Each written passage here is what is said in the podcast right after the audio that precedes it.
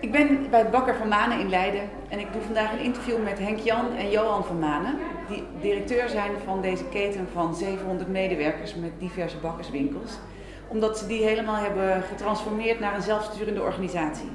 En uh, dat hebben ze op een heel bijzondere manier gedaan en daar gaan we het vandaag met ze over hebben.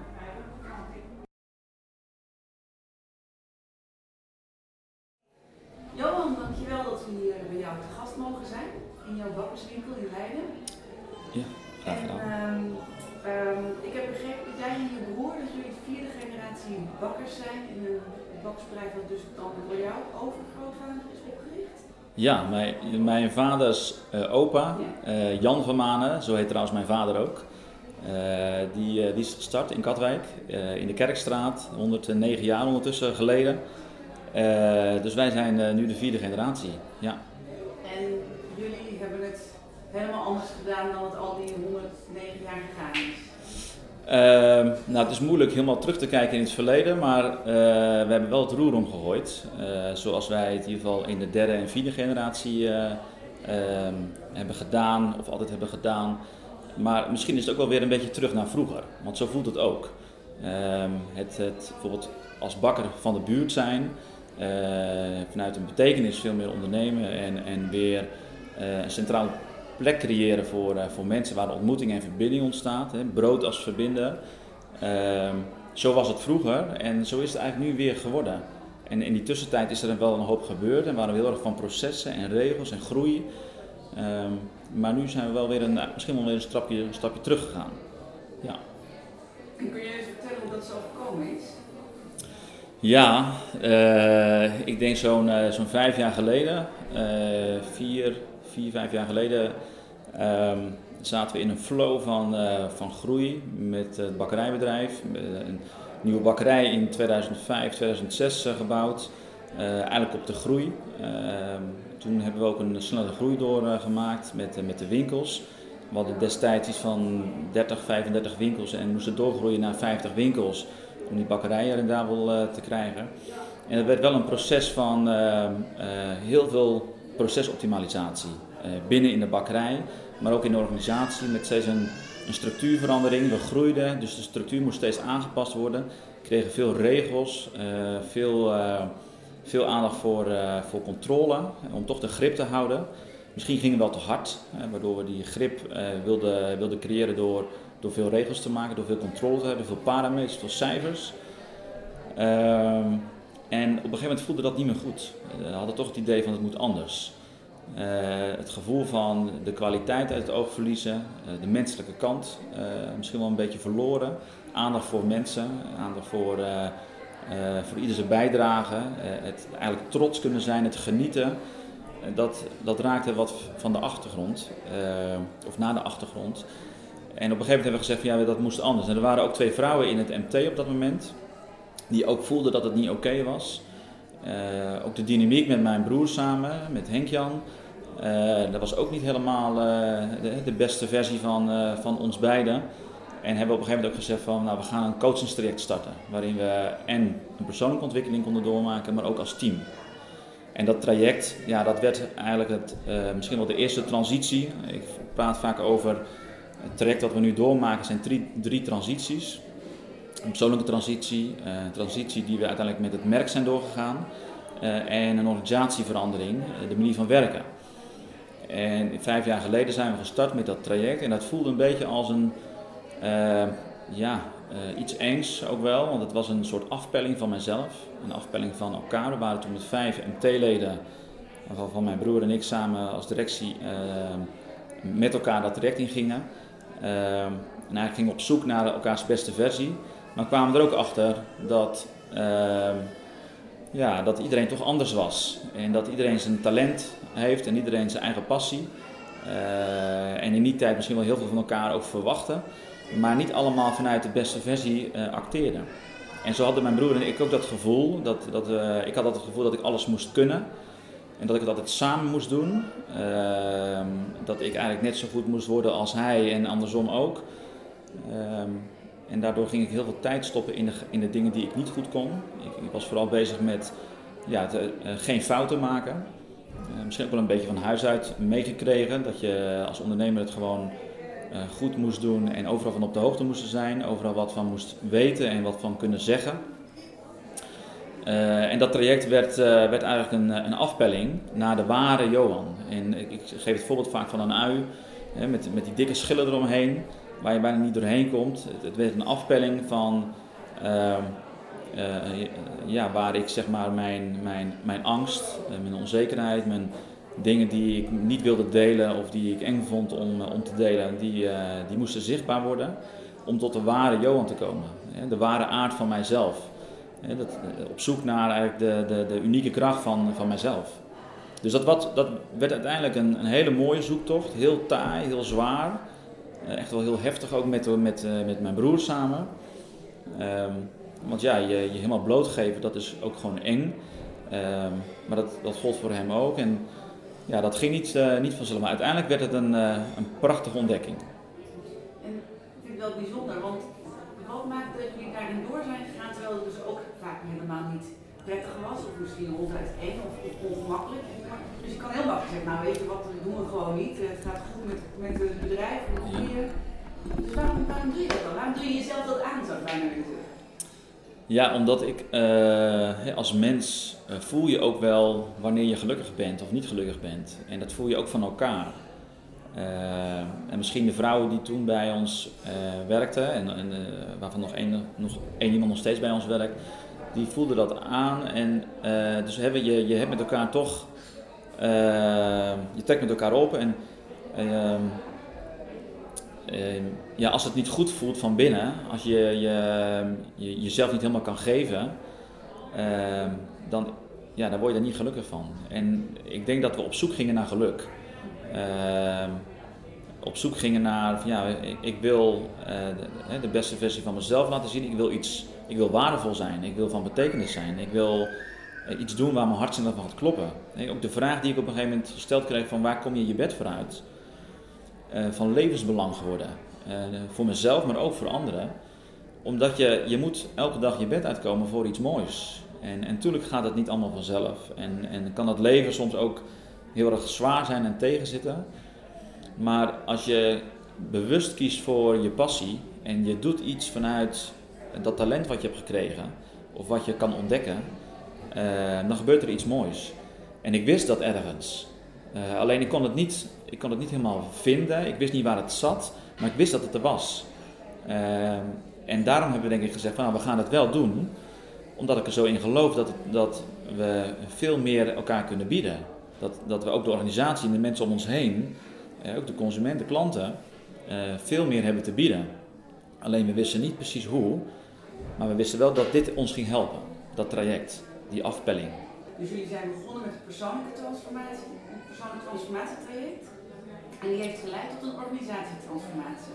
Ja, uiteindelijk was dat wel de start van een, eh, een grote verandering. Want toen we in het proces zaten en zo'n twee, drie jaar verder waren, uh, konden we heel goed benoemen waar we ons bed vooruit wilden komen.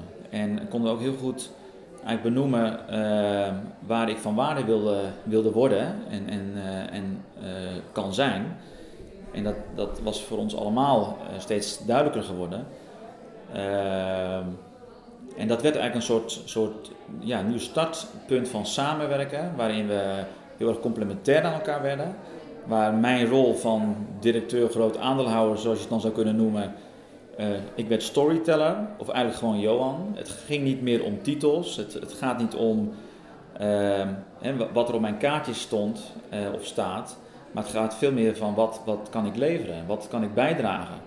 waar kan ik mijn waarde leveren naar uh, naar anderen, waar ik zelf ook gelukkig van word, maar waar ik ook anderen iets moois uh, kan meegeven. En, dus ik werd storyteller en uh, mijn broer die ging zich vooral richten op strategie. Die is daar een kei in om, om, om, dat, die punt, stip aan de horizon of dat vergezicht te kunnen schetsen. Om, om te kijken naar innovaties, vernieuwing, passend bij het karakter van, van Mana.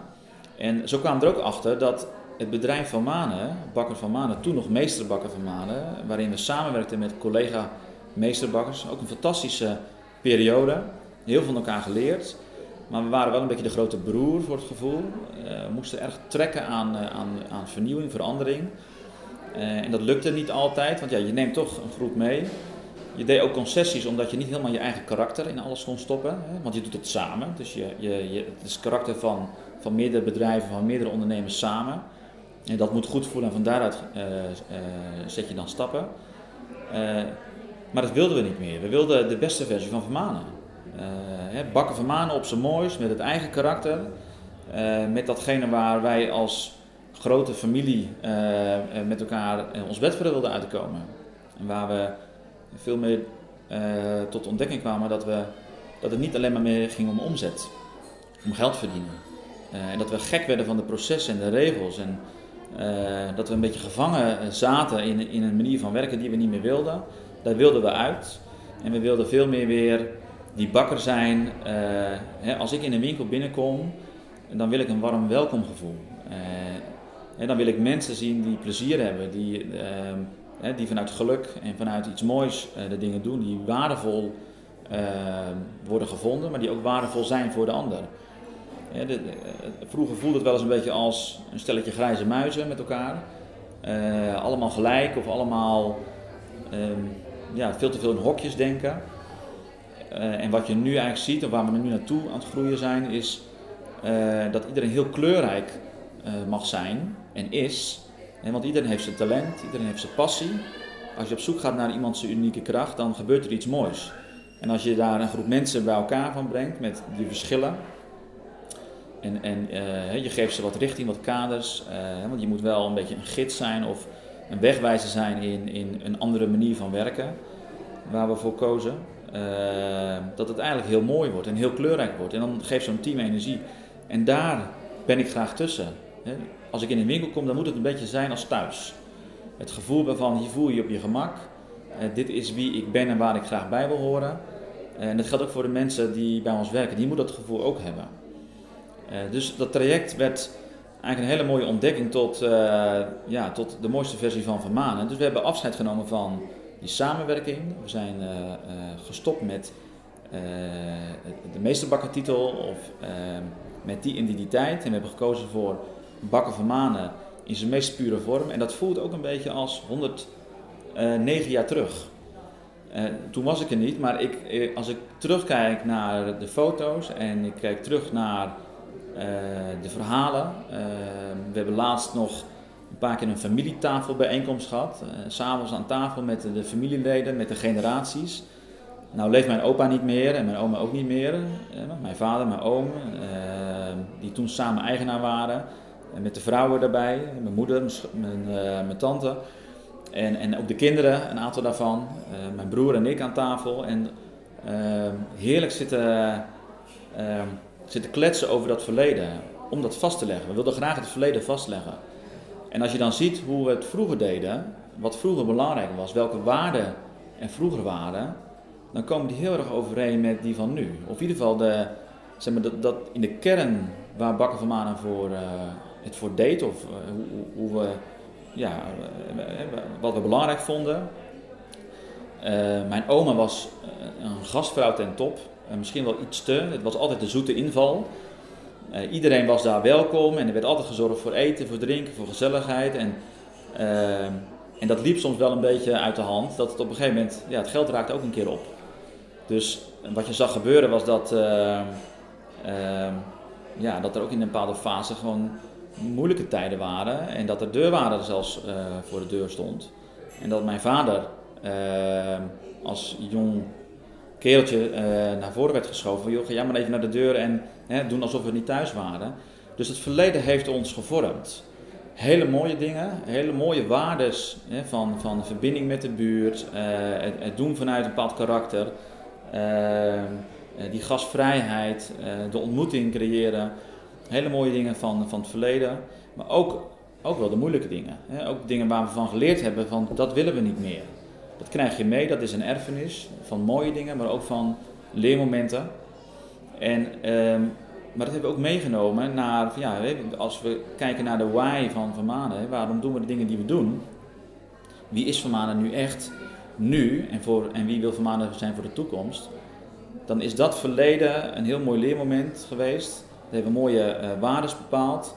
En die passen eigenlijk ook heel erg bij de ambitie. Dus dat verleden en de ambitie uh, is een beetje de strategie geworden waarin je zou kunnen zeggen van we willen weer die bakker zijn van vroeger, waar die ontmoeting plaatsvindt, waar brood de verbinding creëert met mensen en met elkaar. Uh, waar het gaat om, om, om, om echtheid, om uh, een bepaalde bezieling, vrolijkheid, een bepaald karakter wat zich kenmerkt. dat zijn waarden geworden, of in ieder geval belangrijke kwaliteiten ook geworden voor de toekomst. En, en hoe ziet dat er dan in de praktijk uit? Dat zijn natuurlijk hele mooie woorden, maar hoe merk ik dat dan ja. bij jullie werk? Nou, ik denk dat, dat uh, de grootste verandering die wij doormaken is van, uh, van omzet stond vroeger bovenaan. Of die regels, procedures waren heel erg gefixeerd op groei. En nu hebben we gezegd van nee, we willen anders groeien. we willen veel meer groeien van binnenuit. Het moet hier goed voelen, van binnenuit. Het moet een soort hartsverbinding zijn met wat je doet. Uh, iets waar je graag van je bed voor uitkomt, waar je trots op kan zijn. En veel meer vanuit betekenis. Veel meer de dingen doen vanuit een betekenis. En, en, en dat is dus weer misschien wel terug naar, naar vroeger. En natuurlijk, vroeger moesten ze ook geld verdienen en die schoorsteen moest roken. Ehm, maar dat is niet uiteindelijk waar ik gelukkig van word, of waar we met elkaar gelukkig van worden. Het is juist zo mooi als je dat, dat warme gevoel hebt uh, en dat, dat het gaat over een mooi product maken en iets waar je trots op bent en dat samen doen. En geluksmomenten creëren naar je omgeving, naar, hè, buiten de winkel ook om. In de winkel, buiten de winkel. Uh, dus we zijn van, van, van omzet bovenaan, zijn we eigenlijk gekanteld. We noemen dat eens flip the system, van veel meer betekenis bovenaan. En omzet eigenlijk helemaal onderuit, helemaal, helemaal onderaan. Dus uh, ja, dat, dat, dat werd een kanteling.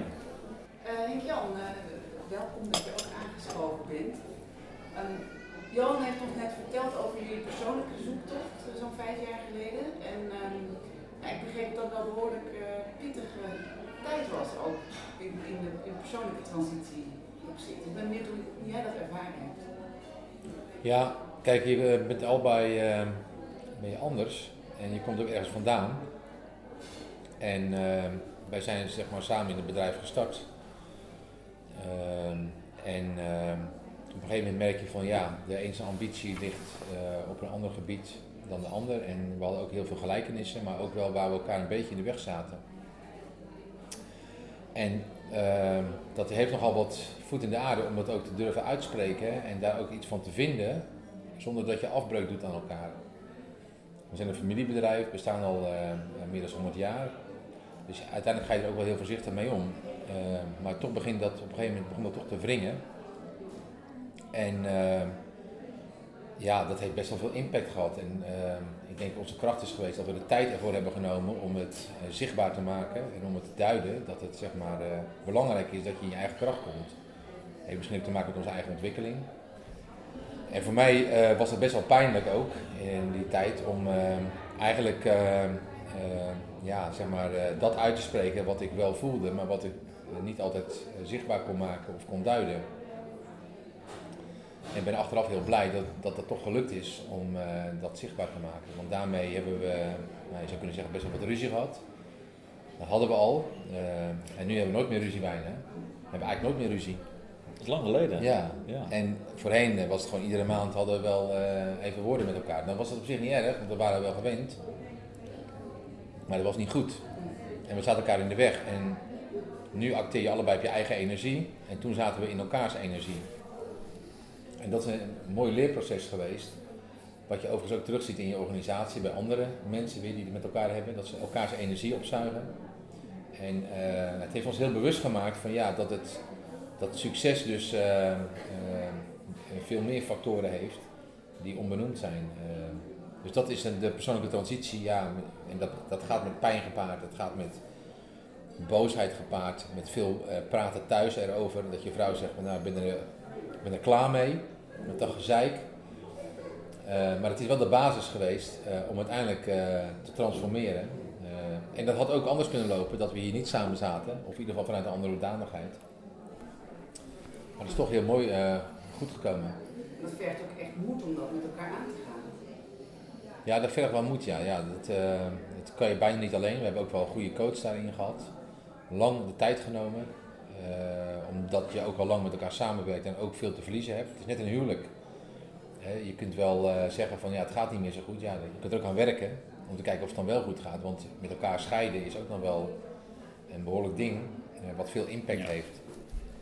En als het dan wel lukt, dan kijk je natuurlijk achteraf eh, met veel trots naar, eh, nou het is goed dat we er tijd en energie in hebben gestoken om het, eh, om het anders te doen.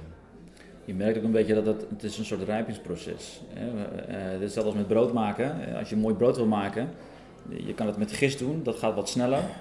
Tot je een mooi brood hebt. Als je kiest voor decem, dan, dan, dan neem je veel meer tijd en dan gaat er, gaan er 24 uur, 48 uur overheen.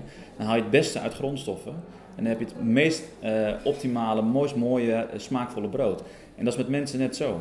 Nou, als je de tijd neemt eh, daarvoor, en dat hadden wij nodig, gewoon even de tijd om eh, op zoek te gaan naar hè, je, je eigen beste versie, naar eh, elkaars, zoektocht naar elkaars kwaliteiten en losmaken wat, wat, wat het verleden een beetje, wa- waarin je dingen van het verleden meegenomen, wat aan je kleefde waar je van af moest. Maar ook weer vooruit kunnen kijken. Nou, dat hele proces, dat, dat duurt soms jaren. Dus het was heel waardevol dat we er ook de tijd voor hebben genomen om daar te kunnen komen waar we wilden zijn. Ja. En nu zie je ook, als je kijkt naar de mensen binnen het bedrijf, daar geldt datzelfde proces. Je kan niet verwachten dat ze morgen in één keer het anders doen. Dus als je het hebt over de samenwerking, wat ik net vertelde met die meesterbakkers, dat proces dat kan je niet in één keer doorbreken. Eh, daar moet je goed over nadenken, neem je de tijd voor, maar je moet ook weten van hoe wil je het dan wel. Eh, en dat was een, eigenlijk een hele mooie ontdekking ook, maar daar gaat wel, daar gaan jaren overheen. En hetzelfde als met mensen, eh, uiteindelijk in een nieuwe manier van samenwerken. Als we het hebben over zelfsturing of over een, heel, veel meer vrijheid en vanuit je beste versie van jezelf, je unieke kracht, eh, de dingen mogen doen. Ja, dat, dat, als je het al 109 jaar anders hebt gedaan, of als je het altijd anders hebt geleerd, dan heeft dat tijd nodig om, dat, eh, om die knop om te kunnen zetten. Dus dat is wel heel mooi. En, je noemde net zelfsturing, want dat is wat jullie uiteindelijk gedaan hebben. Jullie zijn zelfsturend gaan werken, of jullie zijn nog net kanteling naar zelfsturen. Nou, het is meer de organisatie die. ehm, kijk, dit is een proces wat wij met elkaar hebben gehad. Is wel, heeft indirect wat te maken met zelfsturing. Dat je ehm, de verantwoordelijkheid neerlegt bij eh, gewoon het individu. Dus dat je je eigen talent ontwikkelt en dat je mag zijn wie je bent. Want we kijken naar eh, nou ja, het beste uit jezelf halen. Wat Johan ook vaak aangeeft. Ja, hoe haal je het beste uit jezelf? En daarmee acteer je op volle sterkte en volle kracht.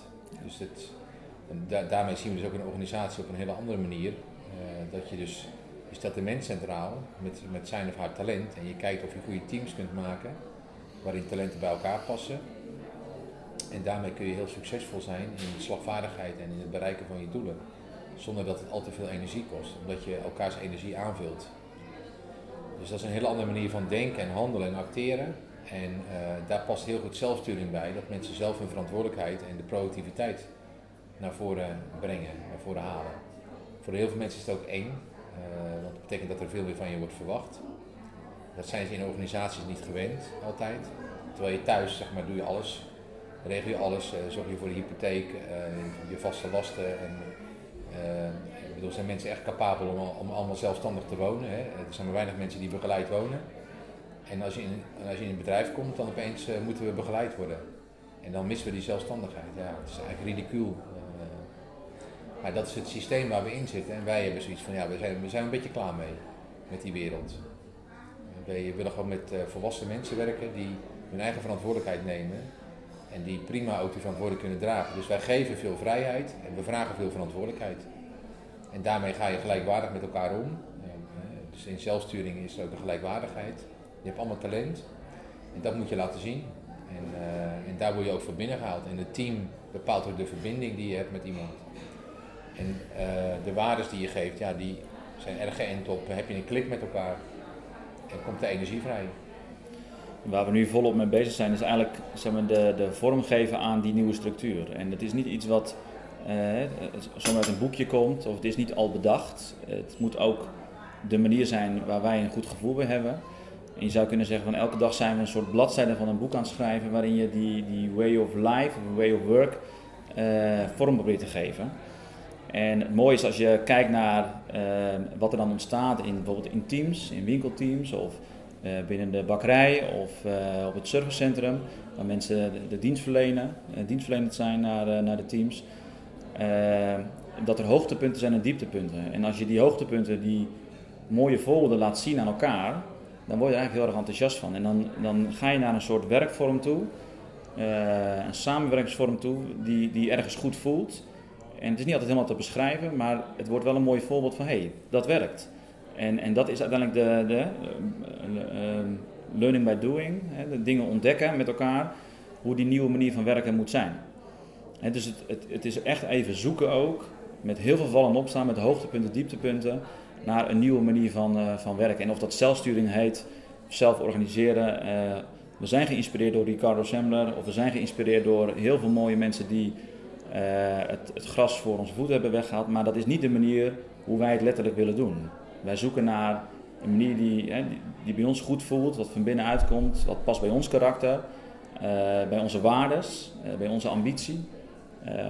En dat is eigenlijk een, een, een, ontdekking waarin we steeds duidelijker voor ogen krijgen: hé, hey, dat is hoe we het willen. Want we geloven er heilig in dat het op deze manier veel mooier kan. Maar hoe we het doen, ja, dat is ook, ook gewoon elke dag ontdekken. Dat is wel grappig. In zekere zin praten jullie best wel vaak hè? over uh, ja. goed voelen en we uh, moeten het ontdekken en vallen en opstaan, mooie ervaringen. Maar je moet wel elke dag gewoon zo'n stapel brood in die winkels liggen. Dus, ja, maar dat is het doelmatige. Dus kijk, ja. de, in principe is dat allemaal wel bekend. Maar het gaat om uh, die, die, zachte waardes, of die zeg maar wat onderhuid zit, wat niet zichtbaar is, de, zichtbare dingen. Het borgen van processen of uh, procedures, dat je elke dag brood moet maken, of dat de gast bediend moet worden, of het brood moet worden gesneden. Dat zijn allemaal functies, ja, dat is heel functioneel, dat is eigenlijk heel bazaal. Dat is niet zo moeilijk en daar kun je dingen voor papier zetten. Het gaat om de menselijke kant en de gedragskant die het onderscheid maakt. En hoe vaak zeg je niet van ja, als je ergens binnenkomt, heb je een gevoel direct van oh, het is hier gezellig of uh, nou, het voelt niet lekker hier. Het zijn dingen die we vaak niet kunnen benoemen, maar wel aanvoelen. En die dingen maken wij meer zichtbaar. En dat is eigenlijk in de samenwerking precies hetzelfde. Soms heb je met collega's dat ja, de ene groep die bespreekt wel dingen met elkaar en de anderen zijn heel erg introvert en gesloten. En die komen na jaren pas achter wie de ander echt is. Nou, en dat zijn dingen waarvan wij zeggen van ja, dat is juist belangrijk om elkaar te begrijpen en om met elkaar echt te kunnen samenwerken. Dat je elkaar ook echt kent. En uh, dan kom je dus veel dichter bij de persoon. Dus dan is het zakelijke gaat er veel meer af. En het persoonlijke komt veel meer naar voren. En dat is zeg maar het grote verschil in ons werken. In onze werken hier maken we echt verbinding met mensen. Of moeten mensen met elkaar ook verbinding maken. Dat is het grote verschil. En uh, als we dat terugkijken naar waar het wel gebeurt, dan zie je eigenlijk dat dat wel gebeurt in, uh, vaak in de sport. Als je succes wil uh, maken met een team in teamsport, moet je heel erg goed naar die verbinding kijken, de onderlinge samenwerking. De, om een teamprestatie echt optimaal te kunnen benaderen. En het is eigenlijk gewoon net als thuis. thuis loopt alles vanzelf.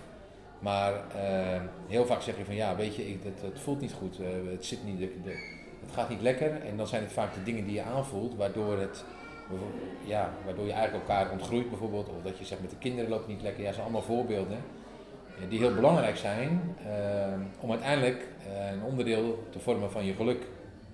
Want ja, we leven in een samenleving waarin we eigenlijk in de basis hebben we heel veel. We zijn maatschappelijk gezien hebben we, zijn we heel welvarend, de een wat meer, de ander wat minder, maar in de basis hebben we het echt niet zo slecht. Maar daarmee zijn we niet gelukkiger. En wat wij proberen naar voren te brengen is dat het geluk zit dus in die niet uitgesproken zaken en in de echte verbinding. En dat is met klanten, met gasten en met onze mensen uh, onderling. En hoe doe je dat nou in je hebt zo'n winkel en daar werken dan, Dat verschilt van, uh, van 5 tot en met 35. Ja, zeggen, er werken 20 mensen in zo'n winkel en die moeten dan dus gaan leren om zelfsturend te werken en met elkaar die verbindingen aan te gaan. Ja. Hoe, hoe, hoe, doen jullie dat? Ja, we hebben daar uh, we hebben daar wat tools voor, maar het is ook een beetje met elkaar ontdekken inderdaad wat is nou eh, de beste manier van werken. En dan kijken we ook naar voorbeelden van waar we mensen, waar we teams de ruimte geven om het met elkaar ook gewoon zelf te doen en daar zelf vorm aan te geven. Er zijn al heel veel teams die het al lang deden, uh, al lang doen. Uh, dus daar leren we ook heel veel van. Uh, maar we hebben daar ook wel de middelen voor om gewoon ehm, de mensen, het team ook te vragen: nou, waar ben jij nou, waar ben je nou goed in? Wat vind je nou leuk om te doen? zijn er ook dingen die je niet meer leuk vindt om te doen. Eh, dus het loslaten van datgene wat helemaal niet jouw, jouw passie is, of waar je eigenlijk helemaal niet mee bezig wil zijn, waar misschien ook niet je talent ligt, ook niet goed in kan zijn, maar juist op zoek gaan waar dat wel is, eh, in plaats van dat je in een functie alles moet kunnen, gaan we nu eh, het veel meer opknippen naar op zoek gaan naar dat stukje talent. Waar wil jij graag elke dag mee bezig zijn? Waar wil jij van waarde zijn? Van waarde zijn richting de consument, richting klanten, richting elkaar, richting je collega's. En dat wordt een soort nieuw startpunt. En als iedereen dat van elkaar weet en je praat daar heel open over, dan moet je ook nog wel wat overwinnen, want je moet ook je angst loslaten. want er zijn ook bijvoorbeeld filiaalleiders die de kans krijgen om coach te worden. Ehm, ja, dan moet je opeens allerlei dingen loslaten, terwijl je gewend was om het allemaal zelf te moeten kunnen. wat ik, het voorbeeld dat ik gaf, van zelf ook al het gevoel hebben gehad als ondernemer dat je alles moest kunnen, dat je overal goed in moest zijn, dat moest ik loslaten. Maar het feit dat ik het zelf heb doorleefd, dat ik nu weet van hé, hey, dat hoeft helemaal niet meer. Uh, ik ga nu in mijn kracht staan. Ik ga nu de dingen doen die ik goed kan, die ik graag wil. Uh, ben ik eigenlijk in een soort rollercoaster terechtgekomen van allemaal mooie dingen. Uh, de beste versie van Johan. En dat is ook de weg die we moeten gaan met onze mensen. En van daaruit ga je eigenlijk je team vormen. En natuurlijk, ze hebben kaders nodig. Ze hebben, we moeten ze ook de weg wijzen van waar, waar gaan we naartoe. We willen veel meer vanuit betekenis ondernemen in plaats van dat omzet bovenaan staat. We willen de verbinding maken met de buurt, vinden we belangrijk. Eh, dus we moeten mensen ook wel helpen om te begrijpen hoe je dat dan mag doen en hoe je dat kan doen. Nou, concreet is het gewoon dat we werken met een coach en we zorgen dat de teams uh, met elkaar in overleg gaan. Dus niet dat er individuele gesprekken alleen maar plaatsvinden, maar juist die teamoverleggen. Dat er ook gezellige momenten zijn, dus dat we daar bewust op aansturen, dat iedereen ook met elkaar echt verbindt. Ik vind het belangrijk dat er dus een klik is met elkaar, dat we dat ook meten. We proberen dus te onderzoeken aan de hand van een drietal KPI's maken we zeg maar duidelijk waar, de, waar het team staat. En dat is de klanttevredenheid en dus de medewerkerstevredenheid. Dat zijn de, eigenlijk de belangrijkste. Dus we meten of de medewerkers tevreden zijn in het team waar ze acteren. Uh, daar waar nodig uh, of waar gewenst uh, begeleiden we dat. We hebben, nou, zoals Johan aangaf, een aantal tools, zoals de takenthermometer en nog wat andere tools die we kunnen gebruiken om uh, zeg maar dat te organiseren. Maar elk team heeft ook alweer zijn, zijn uniekheid, of zijn eigen zijn afwijking. En we gebruiken daar een aantal uh, middelen voor, of spellenelementen, om dat te duiden. Maar het begint al in het begin. Zeker als je een, team, een nieuw team samenstelt, dan kijken we heel erg van ja, welke mensen maken verbinding met elkaar, welke mensen hebben een klik. En inmiddels hebben wij steeds grotere groepen in de organisatie van mensen die dat ook zeg maar, inzichtelijk kunnen maken. Uh, en we zijn nu bezig om een aantal coaches aan te wenden die dat verder gaan uitzetten in de organisatie. Dus coaching is eigenlijk wel een heel belangrijk onderdeel in het realiseren van, van dit proces. En dat zit eigenlijk allemaal aan de gedragskant. Het moeilijke van die coaching, want dat, is, dat houdt me de laatste tijd heel erg bezig van hoe kies je nou voor de goede vorm van, van, van coaching. Hè. Die gids, iemand die de weg wijst. En het gevaar is, daar gaan wij ook tegenaan lopen, dat een coach toch uiteindelijk met oplossingen komt. Of dat een coach toch uiteindelijk uh, een richting gaat aangeven waarin iemand zegt, joh, heb je daaraan gedacht, heb je daaraan gedacht, of uh, wil je dat niet eens proberen? Uiteindelijk is het natuurlijk de kunst om het vanuit het team allemaal te laten bedenken dat, ze, dat die coach er eigenlijk niet is uh, en dat hij wel het vertrouwen geeft of in ieder geval vooral een luisterend oor, ja. maar niet de weg wijst met oplossingen. Wel de weg wijst van, hè, dat je kan verbinden met andere mensen die je daarbij kunnen helpen. Maar het is zo'n kanteling van anders denken, wat voor ons de grootste uitdaging gaat worden om te komen van hè, stuur het naar, naar zelf organiseren. Uh, eigenlijk wat we soms namelijk toepassen is uh, de chaos-theorie. Dus dat je eerst chaos laat ontstaan. Want dat heb je nodig, dat mensen want die gaan afwachten en denken van nou, uh, nu gaan ze wel ingrijpen. En door dat toch niet te doen, zie je op een gegeven moment dat mensen zelf zeggen, ja, dit kan niet zo langer. En uh, dat kan zeg maar in het teamverband zijn, dat kan uh, op individueel niveau zijn. Hè. Ze hebben een paar keer gehad een medewerker waar ze niet tevreden over zijn. Maar ze doen er niks aan. Nou, dan zou je eigenlijk als coach moeten zeggen, ja, weet je, als jullie niet bereid zijn om er wat aan te doen, ja, wij gaan het ook niet doen. En daarmee dwing je ze om uh, als team verantwoordelijkheid te nemen voor het gedrag van een individu. En als ze dat niet doen, en als je als coach dat oppakt, dan ben je ook meteen de eigenaar van het probleem. Want dan zeggen ze, hé, gelukkig, die coach lost het op. En dan ben je dus een sturende manager. Ja. Eh, dat is een een voorbeeld. Maar het lijkt, ik vind het wel heel spannend wat jullie doen, want ehm er zit chaos, nou dan heb je zo'n winkel en dan, dan laat je inderdaad die chaos ontstaan, dan staan die klanten voor de deur en ze geen brood. Nou, zover. Oh, dat zou kunnen. Hè? Maar eh, dat betekent dat ze hun eigen. eh, kijk, feitelijk zou je kunnen zeggen, nou dan is de volgende dag, kunnen we beter hier de deur dicht doen. Want als er geen omzet wordt gemaakt, kunnen we ook geen salarissen betalen. Dus dan doen we de deur dicht en dan gaat iedereen maar naar huis. Want als team functioneer je niet. Ja. Dus je kunt hem heel concreet teruggeven. Dat als jullie het probleem niet oplossen en het gaat omzet kosten, dan, gaan we, eh, dan kun je straks hier de deur sluiten en dan gaat iedereen eruit. Dus of je lost het met elkaar op, of je gaat met z'n allen eh, zeggen van ja, weet je, wij komen er niet uit. En nou, ga, ga dan maar weg met elkaar. Want dat is ook het gezamenlijke verantwoordelijkheid dragen, is ook de lusten, maar ook de lasten.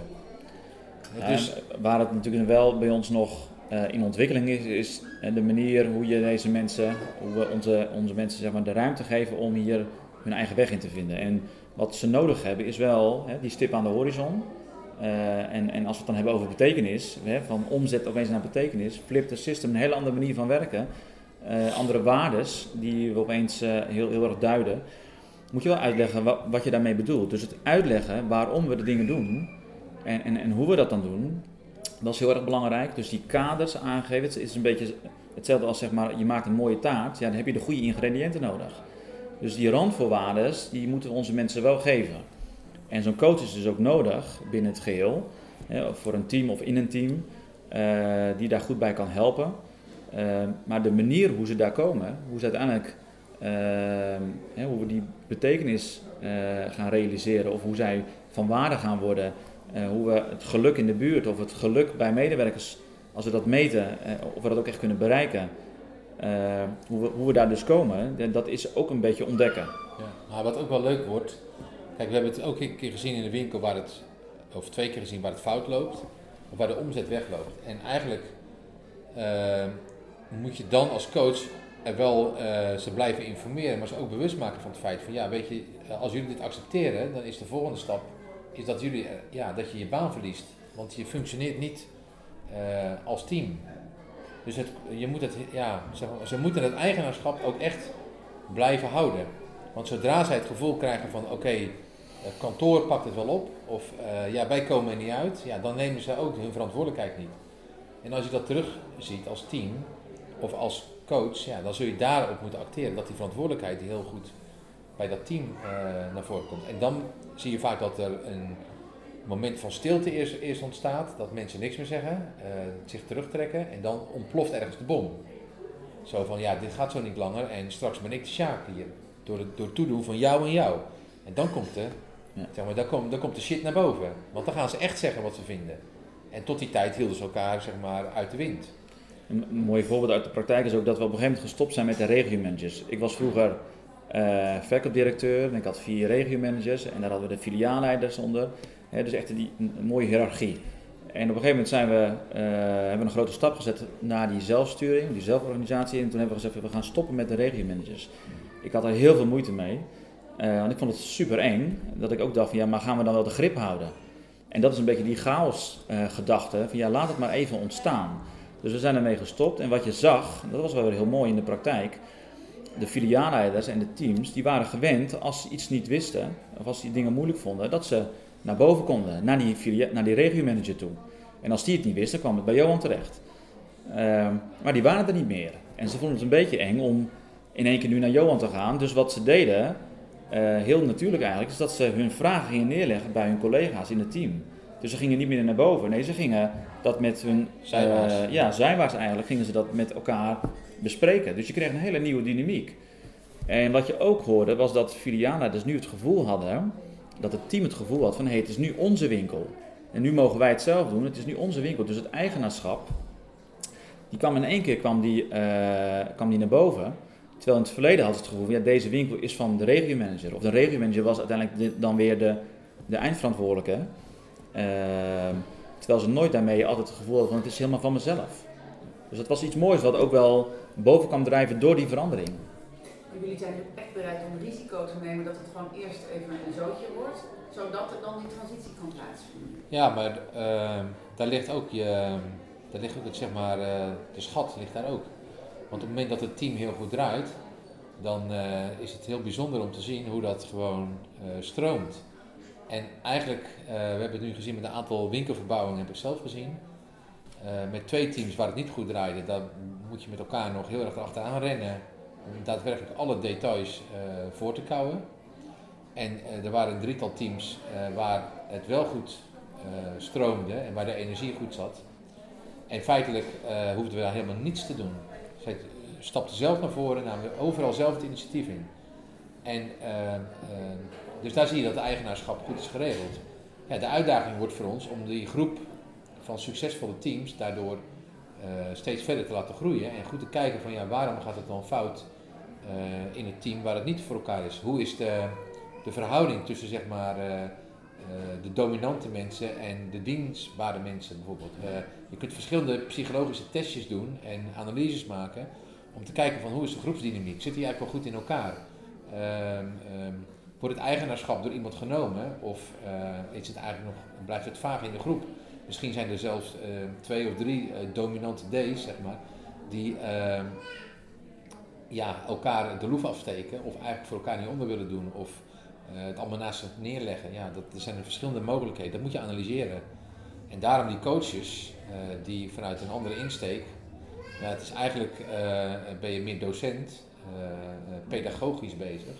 Ja, hoe voed je mensen op en hoe kijk je naar hun gedrag zonder eigenaar te worden van het onderdeel. Als coach moet je geen eigenaar worden van een team of van een winkel.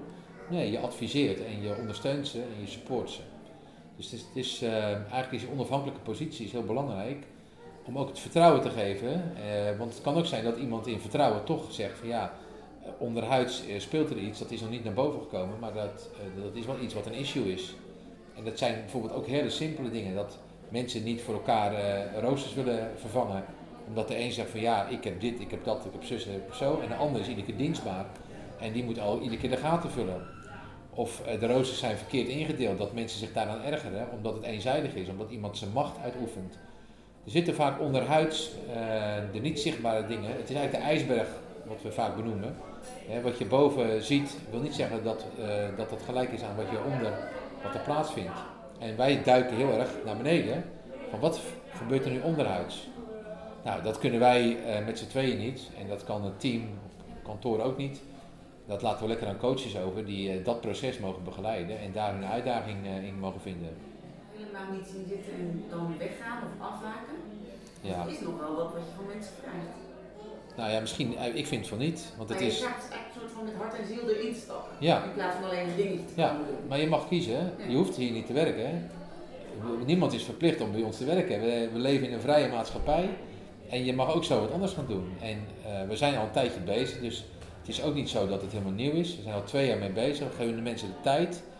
Maar uh, we zitten nu in de fase waar we zeggen, ga niet in de weerstand. Dat heeft geen zin. Weet je, of je zoekt wel lekker wat anders waar je wel in een procesgestuurde organisatie kunt werken, ook prima. Die mensen zijn er ook en die uh, stappen weg. Er zijn er ook bij die steken hun kop in het zand. Die denken van nou het gaat wel voorbij. Maar ja, die komen zichzelf uiteindelijk toch tegen. Uh, het is soms heel emotioneel, want we hebben ook mensen die, die echt wel uh, een pijnpunt meemaken. Maar uiteindelijk ook zeggen van ja, het, is, het doet mij zoveel. Niet alleen vanuit zakelijk, maar ook richting mijn privé. Dus, dus ja, we maken ook wel uh, bij een hoop mensen wat los. Uh, ja, dat kun je zien als heel bedreigend, maar het is ook wel heel leerzaam voor datgene wie je zelf bent. Je ziet eigenlijk drie groepen. Zo zie ik altijd een beetje voor ogen, of zie ik hier altijd voor me. Er zijn drie groepen. De, ene groep is laaiend enthousiast, omdat ze nu het gevoel hebben van hey, we mogen eindelijk onszelf laten zien en krijgen de ruimte om, om, het, om het nu zelf te mogen bepalen. Dat voelt als een stukje vrijheid. Het geeft eigenaarschap. Maar er is ook een groep die een beetje in het midden staat en die nog twijfelen. En die denken van, hé, hey, ja, een beetje de kat uit de boom kijken en zien wel mooie dingen gebeuren. En eigenlijk willen ze het wel, maar ze durven nog niet. En die hebben, wat, die hebben dat duwtje in de rug nodig. En die hebben dat vertrouwen nodig. En die hebben even wat aandacht nodig. Want ik vind wel, de mensen hebben wel respect of hebben wel recht op, uh, op, op tijd en aandacht. We moeten wel goed uitleggen wat we hiermee willen bereiken en, en wat dat betekent voor hunzelf. Um, dus op een gegeven moment zie je die groep ook wel komen, maar er zijn ook een aantal in die middengroep, die, die valt eigenlijk naar die laatste groep. En dat is degene die ja, bijna bevriezen en denken: hé, hey, ik wil dit niet, dit past niet bij mij. Ehm, waarin ze erachter komen van: pas ik eigenlijk wel bij dit bedrijf of bij deze ambitie? Eh, of durf ik het wel? Zijn mensen soms zo geworteld in het, in het altijd maar gestuurd eh, zijn, die misschien wel ook van huis uit, of vanuit het verleden in ieder geval, heel veel eh, niet zelf hebben hoeven te beslissen. en daardoor dat ook niet durven en nog helemaal los moeten komen in dat denken. Ja, als dat te lang duurt, als ze op een gegeven moment niet die sprong in de diepe maken, ja, dan is het op een gegeven moment gewoon beter om ja, afscheid van elkaar te nemen. Want anders is dat niet sociaal naar de rest toe. Want we, moeten, we willen hier uh, verder in, maar dan moet er ook, uh, dan, dan, moet je ook loslaten datgene wat, wat je weerhoudt daarin. Wat misschien ook wel een probleem is, kijk, in de samenleving zijn we nog, uh, nog te weinig gewend om deze onderwerpen eigenlijk zichtbaar te maken. Ook in onze opvoeding, uh, maar het begint al bij het onderwijs.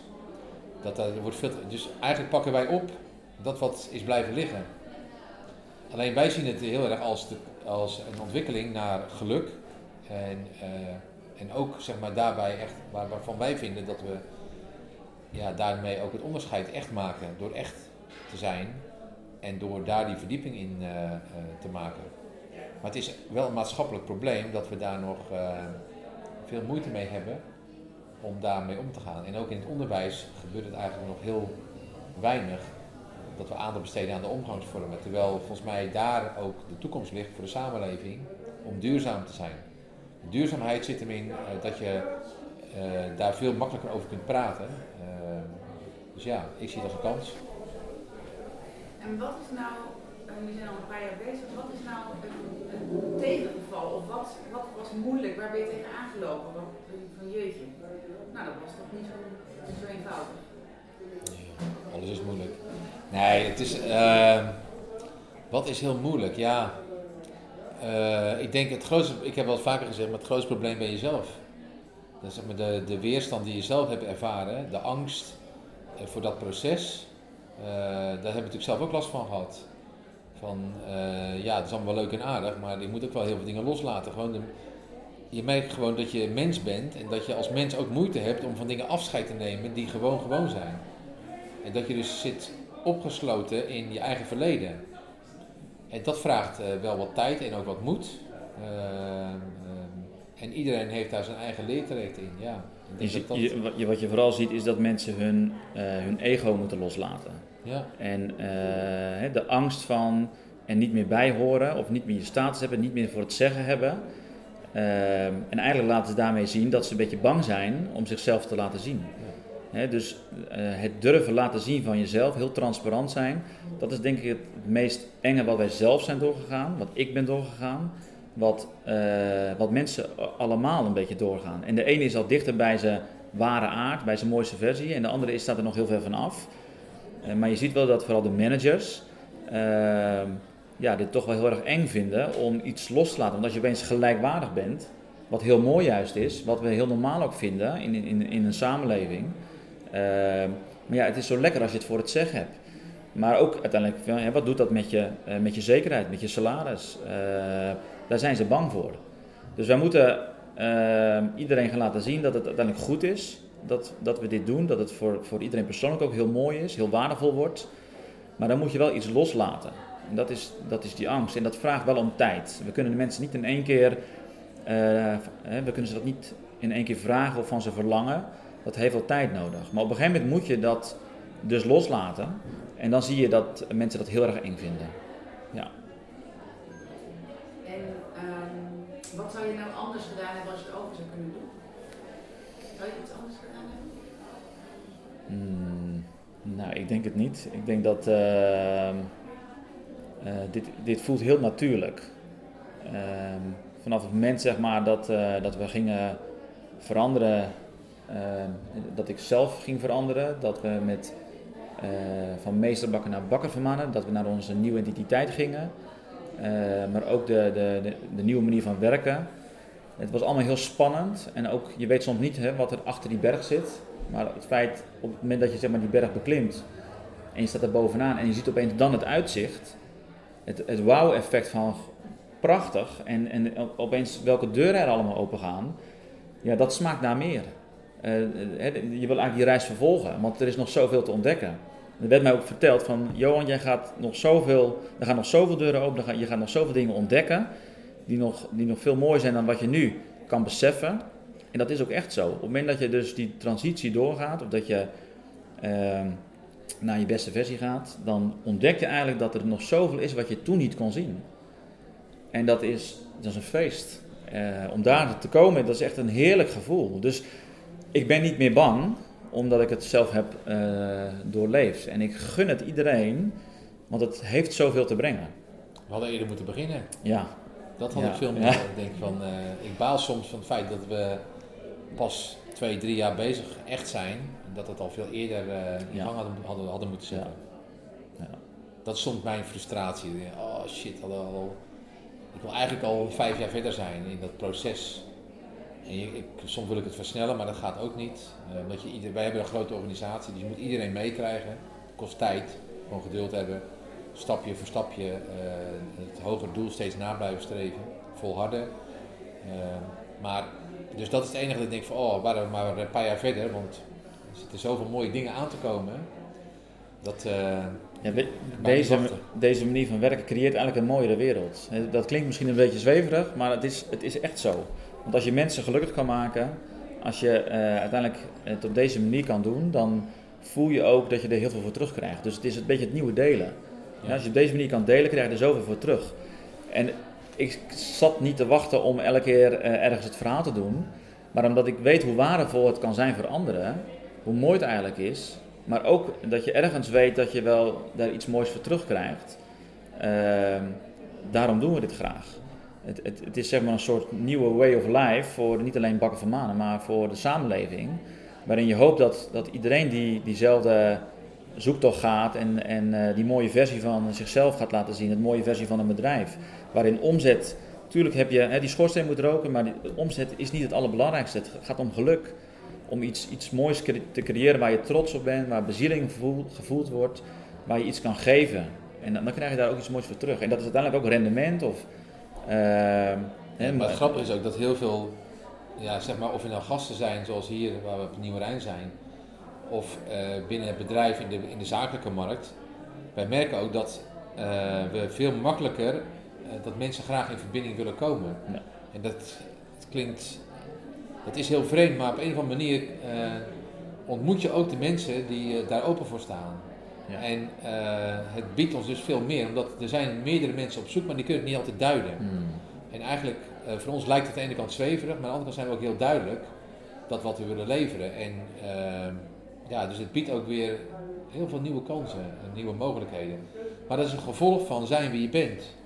En ik denk in de samenleving waar we vandaan komen, zeker na de crisis, is iedereen toch een beetje klaar met die schijnwereld.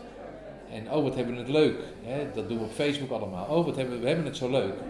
Maar ondertussen uh, speelt er een heel ander verhaal. En dat is wat we niet zien. Hè? Facebook is, uh, dat is het puntje van de ijsberg. Maar wat er onderhuids allemaal speelt, dat laten mensen niet zien.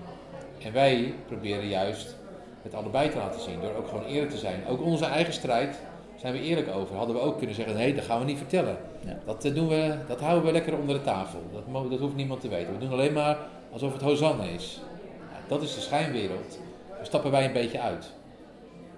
Die resultaten, als je dus gewoon echt naar, naar, naar, de groei kijkt en naar de omzet, hoe, hoe is dat? Is dat ook veranderd sinds jullie dit doen? nou, we hebben, we hebben heel veel geïnvesteerd en ik had gedacht dat wordt best wel zwaar. En het is, we zien, ja, laat ik zo zeggen, uh, we hebben nog nooit rode cijfers uh, gedraaid en tot op heden ook niet. En dat betekent wel dat onze resultaat onder druk staat. Is ook wel inherent aan de markt, maar ik kan nog niet echt merken. Aan de andere kant merk ik dat we, omdat we heel erg intern bezig zijn, dat we te weinig gas geven naar buiten toe om alle kansen optimaal uit te nutten. dus daarom is het ook belangrijk, hebben we gezegd, van dit jaar is nog echt het jaar van stappen maken in de transitie. Om uiteindelijk daarna weer de mogelijkheid te hebben om naar buiten te kijken, naar de markt, naar de gasten, naar de klanten, om verder te optimaliseren. maar ja, het resultaat is uh, eigenlijk redelijk steady gebleven. Uh, nou zitten wij ook in een sector waarin we geen pieken kennen en niet zoveel dalen. Dus wij zijn niet afhankelijk van de hoogconjunctuur of van de laagconjunctuur. Maar dat neemt niet weg dat we wel enorm transformeren. Ook uh, onze sector is enorm in beweging. Als we kijken naar de nieuwe concepten wat we neerzetten, helemaal, uh, wat we noemen blurring, waarin we uh, verschillende elementen toepassen. We gaan steeds meer richting horeca. ja, dat is voor ons echt wel huge in, in de verandering van de cultuur van het bedrijf, waarin wij een klassieke bakker waren. Dus ja, we doen eigenlijk best wel een, een, een super spel. Waar, want ook al hadden we geen zelfsturing gedaan, dan nog hadden wij het volgens mij best wel veel druk op de organisatie gehad om te veranderen. En eigenlijk uh, gaat dat gewoon tussen de bedrijven door ook gewoon door.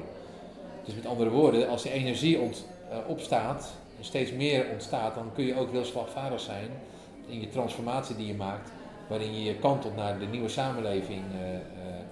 Ja, en dat voelt echt als, als gigantisch veel winst. weet je, het, het, meten van waar ben je nou gelukkig mee, de nieuwe manier van werken, wat we nu in gang zetten, het saaien wat we aan het doen zijn. Uh, waarin we eigenlijk al heel veel opzien komen aan, aan, eh, aan jong, uh, jong talent of, of mensen die, die die sprong in de diepe durven te maken. Dat voelt als zoveel winst. En het geeft ook het gevoel dat we, dat we, we gaan wel misschien financieel gaan we geen hoogtepunten direct bereiken. Maar de hoogtepunten voel ik wel in de dynamiek die we hebben. Met ons merk, met onze identiteit, onze nieuwe manier van werken. De mensen die zich gaan laten zien. Uh, de potentie is enorm. Dus we staan, ik wil niet zeggen ze staan in de rij, maar je ziet dat heel veel mensen met ons samen willen werken. Dat is leuk uh, en mooi. Dat, dat, dat doet deuren open die we voorheen niet zagen of die er niet waren. En dat geeft wel het gevoel van groei en van potentie. Eigenlijk maken we heel veel nieuw kapitaal. Alleen dat is ja. ander kapitaal. Ja. En het geld wat we net al zeiden is ondergeschikt eraan. Dat komt vanzelf wel. En als je uh, veel investeert, dan ga je vanzelf wel ergens oogsten. En wanneer dat is en hoe. Uh, maar ik vind het wel belangrijk dat het bedrijf zeg maar, een goed fundament heeft. Nou, dat heeft het nog steeds. Het staat niet te wankelen. absoluut niet. maar het, is het kapitaal wat we opbouwen is vanuit een hele andere dynamiek. En dat gaat zich vanzelf vertalen jullie willen ook als bakker, bakkerij het middelpunt van de buurt zijn. En daar hebben jullie ook wel een specifieke manier van doen in gevonden. Kun je daar over vertellen? Ja, de, wat we willen vanuit onze betekenis is in ieder geval weer die, die bakker, die centrale bakker zijn in de omgeving. Vroeger had je de kerk en de bakker en daar kwamen mensen samen, daar was de ontmoeting. En dat willen we eigenlijk ook weer, weer zijn, net als vroeger. Ik vertelde over mijn oma en eh, mijn opa en, en de familie zoals ze toen met elkaar omgingen. En ook in de buurt uh, betrokken waren. Het was de zoete inval. En dat is een beetje waar we naar terug gaan. Hè. Brood uh, creëert verbinding. Brood is echt ook een mooi product waarmee je verbinding uh, maakt. Hè. Met, elkaar lekker aan tafel. Gezelligheid. het eten. Hè. Eten is ook een mooie manier van, van verbinding. En tijd voor elkaar hebben. Aandacht aan elkaar geven. En dat is wat we met onze winkels willen. We willen graag weer ehm, binnen onze winkels die verbinding maken.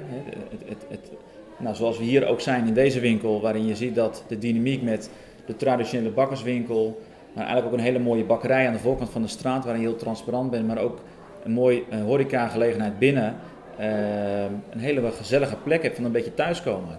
Dat gevoel van thuiskomen, dat vinden we heel belangrijk. Dat we dat zelf voelen, maar dat mensen dat ook voelen. Het is niet meer, we richten een winkel in en zo efficiënt mogelijk. Uh, nee, het moet vooral een beetje voelen als thuis, waarin de gezelligheid er is en waarin je, uh, of je nou een uur blijft zitten of twee uur blijft zitten, uh, dat maakt niet uit, het moet gezellig zijn. En dat gaat ook naar buiten toe. Daarin zoeken we ook wel wat meer het contact op met de omgeving. En dat, dat doen we op verschillende manieren. Soms is dat gewoon door eh, je, je, je merk heel mooi te laten zien, hè, producten te verkopen die, waar je trots op bent, het podium te geven. Maar ook sociaal gezien vind ik het belangrijk om om iets terug te geven. We, doen, we ondernemen op een hele mooie manier en we vinden het ook belangrijk om vanuit de samenleving die, uh, waar je ook die verbinding mee maakt, om iets terug te geven. Dus er zijn heel veel initiatieven uh, die winkelteams ehm, met elkaar oppakken. Dus laat ik het anders zeggen, de, ieder winkelteam krijgt een gelegenheid om die verbinding zelf te maken. Dat is niet wat we opleggen, maar dat, daar kiest het winkelteam zelf voor. En soms zie je binnen het team dat er één of twee mensen zijn die hebben een leuk idee, een mooi idee om die verbinding te maken. En dat kan eh, bijvoorbeeld in deze winkel is dat uit de kunst en vliegwerk. Dat zijn gehandicapten die kunst maken. Nou, dat zie je hier ook in deze ruimte hangen. Uh, en dat, dat is iets wat vanuit het team zelf moet komen. Dat moeten zij willen. Dat leggen we niet meer op. Het is niet zo van we hangen een bord op bij de sportvereniging en dat wordt allemaal centraal geregeld. Nee, het team maakt verbinding met de buurt. Zij kiezen daarvoor. Het moet een soort hartsverbinding zijn. En als zij dat dragen, dan gebeurt er ook iets. Dan is het ook echt. En dan zie je dat het een soort wisselwerking wordt uh, tussen mensen waarin hele mooie uh, dingen gebeuren. Het, hoeft dus, het is, eigenlijk mag het geen commerciële verbinding zijn. Het gaat erom dat we uh, anderen ook een podium willen geven of aandacht willen geven. En daarmee kunnen we ook, vinden we het belangrijk dat we wat kunnen, echt kunnen betekenen. En wij vinden het belangrijk dat onze mensen dus ook die sociale kant laten zien. Zeker als dat bij hun ook opgesloten zit. Maar dat ze er zich ook bewust van zijn van ja, dat als je wat krijgt van de samenleving, moet je ook wat teruggeven. Dus ook daar geldt het weer, maak je dus op een echte manier verbinding. En niet door te zeggen van ja, we doen even commercieel wat en we sponsoren hier uh, dit of dat. Nee, echt verbinding maken. En uh, vanuit de gedachte van je geeft wat aan de samenleving en je krijgt er ook wat voor terug. Of andersom, je krijgt er van de samenleving en je geeft er wat voor terug. Ook daar blijf je weer in de essentie van je zijn. Wat zouden jullie andere organisaties adviseren die ook deze transitie door zouden willen gaan maken? Uh, nou, eigenlijk uh, is het niet zo eenvoudig om dat te doen als je met elkaar niet ervan overtuigd bent dat je, en zeker de, de, als het een bedrijf is waar een directie op zit, of misschien wel uh, vreemde aandeelhouders hè, van buiten de deur. Als je geen commitment vooraf hebt voor zo'n transitie, dan zou ik zeggen van dan is de tijd nog niet rijp. Of dan is de organisatie er nog niet aan toe. Dus als mens moet je eigenlijk eh, eerder kijken van oké, kan ik de aandeelhouders en de directie meekrijgen in zo'n transitie? Of als mens ga ik op zoek naar een bedrijf uh, waar men bezig is met zo'n transitie te maken. Want het is een proces wat de komende zeg maar, 20, 30 jaar gaande zal zijn wereldwijd, waarin de ja, ondernemingen gaan veranderen. Daar ben ik van overtuigd. Dat zie je ook steeds meer. Het is niet een, een ding wat in Nederland speelt of bij ons. Het is een wereldwijde beweging die steeds uh, meer voet aan de grond krijgt. Alleen uh, wat je merkt is daar waar het wordt gestuurd op, alleen maar op aandeelhouderswaarde en uh, waar geld verdienen centraal staat, daar zal betekenis leveren en het mooie van jezelf naar boven halen. Dat zal commercieel gezien prima zo verkondigd worden. Maar in essentie zul je zien dat dat soort bedrijven moeite hebben als het er echt om gaat om te volharden en dat door te zetten. Want dan staat toch weer geld verdienen op nummer 1. En dat is zeg maar voldoen aan de oude economie. Dus belangrijk is dat de directie, aandeelhouders zich realiseren wat die transformatie inhoudt. Want anders zullen zij uiteindelijk tegengas gaan geven in het proces als het soms ja, iets meer chaotisch is. Of als men denkt van hé, hey, we missen hier de regie. Of waar is het leiderschap gebleven? Uh, ja, dat, zo, zo na zijn we nog niet als samenleving. Dat duurt nog uh, 20, 30 jaar. Het vergt ook de moed om los te laten en dingen maar te laten gebeuren. Ook al heb je soms niet helemaal de zekerheid dat het de kant op gaat die je van plan was. Nou ja, wij produceren nog steeds managers. En managers zijn onderdeel van een organisatiestructuur wat komt uit uh, de industrialisatie. En managers die willen regie voeren en die moeten uh, overal van op de hoogte zijn. En een manager word je als je heel lang in de organisatie werkt en jezelf opwerkt uh, tot dat niveau. En dat betekent dat je niet respect verdient, maar je op basis van macht uh, kunt regeren. Sommige managers verdienen ook respect, omdat ze het ook in hun gedrag laten zien. Maar er zijn er ook bij, ja, die zitten op die functie omdat ze vinden dat ze recht hebben op die functie. Ja, die zullen heel veel moeite doen om dat nog steeds vast te houden.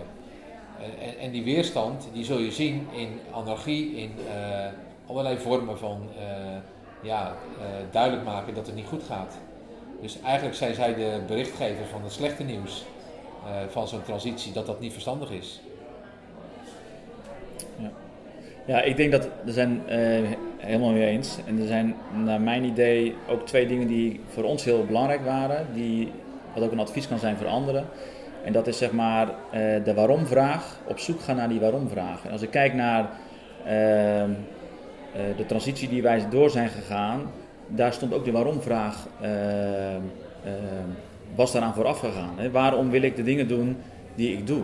Hè? Op zoek naar mijn ware aard, op zoek naar mijn geluk, naar eh, hoe ik het graag wilde doen, mijn beste versie. Dat was voor mij een startpunt om het anders te willen doen. En toen ik dat zelf ben gaan doorleven, dat gaan begrijpen, dat ook gaan willen en ook gaan kunnen, het anders doen, is voor mij zeg maar, een moment geweest om uh, anderen dat ook te kunnen leren. En om weer vanuit een hele pure vorm mooi te gaan ondernemen. En dat werd eigenlijk ook de, de, de, uh, de kanteling naar, naar Bakker van Manen, waarin we ook die why, hè, de, de, de, de cirkels van Simon Simek, uh, waarin die waarom-vraag werd gesteld. Hè. Die geldt voor Vermanen, is dat we geloven dat je vrolijk wordt als je vanuit bezieling leeft. Ja, die is zo cruciaal geworden dat als wij echt op zoek gaan naar iedereen zijn bezieling, en als we iedereen gelukkig willen maken, dan, ja, dan, dan ga je zoveel meer geven. En dan ga je op een andere manier ga je delen, op een andere manier ondernemen. Dus die vragen zijn denk ik cruciaal. Dus waar kom je je bed voor uit? Als je die echt durft te beantwoorden, dan uh, gaat er iets veranderen. En of dat dan zelfsturing is, of dat een andere uh, uh, manier van werken is, maar hou het heel puur en heel menselijk. Maar op het moment dat, er, hè, dat de ego's gaan spelen, of dat de angst gaat regeren, of dat de verleiding uh, niet te weerstaan is, naar de verkeerde dingen, hè, dan, dan raak je af van jezelf en dan, dan heeft het ook effect. Dus op zoek gaan naar die ware aard en, en die bezieling, die passie. vanuit je talent mooie dingen doen, ik denk dat dat heel veel moois gaat brengen. Ja, misschien ben je eigenlijk geen bedrijf meer, maar veel meer een beweging. Ja, een movement, ja. ja. Mooi Ja, ja, ja.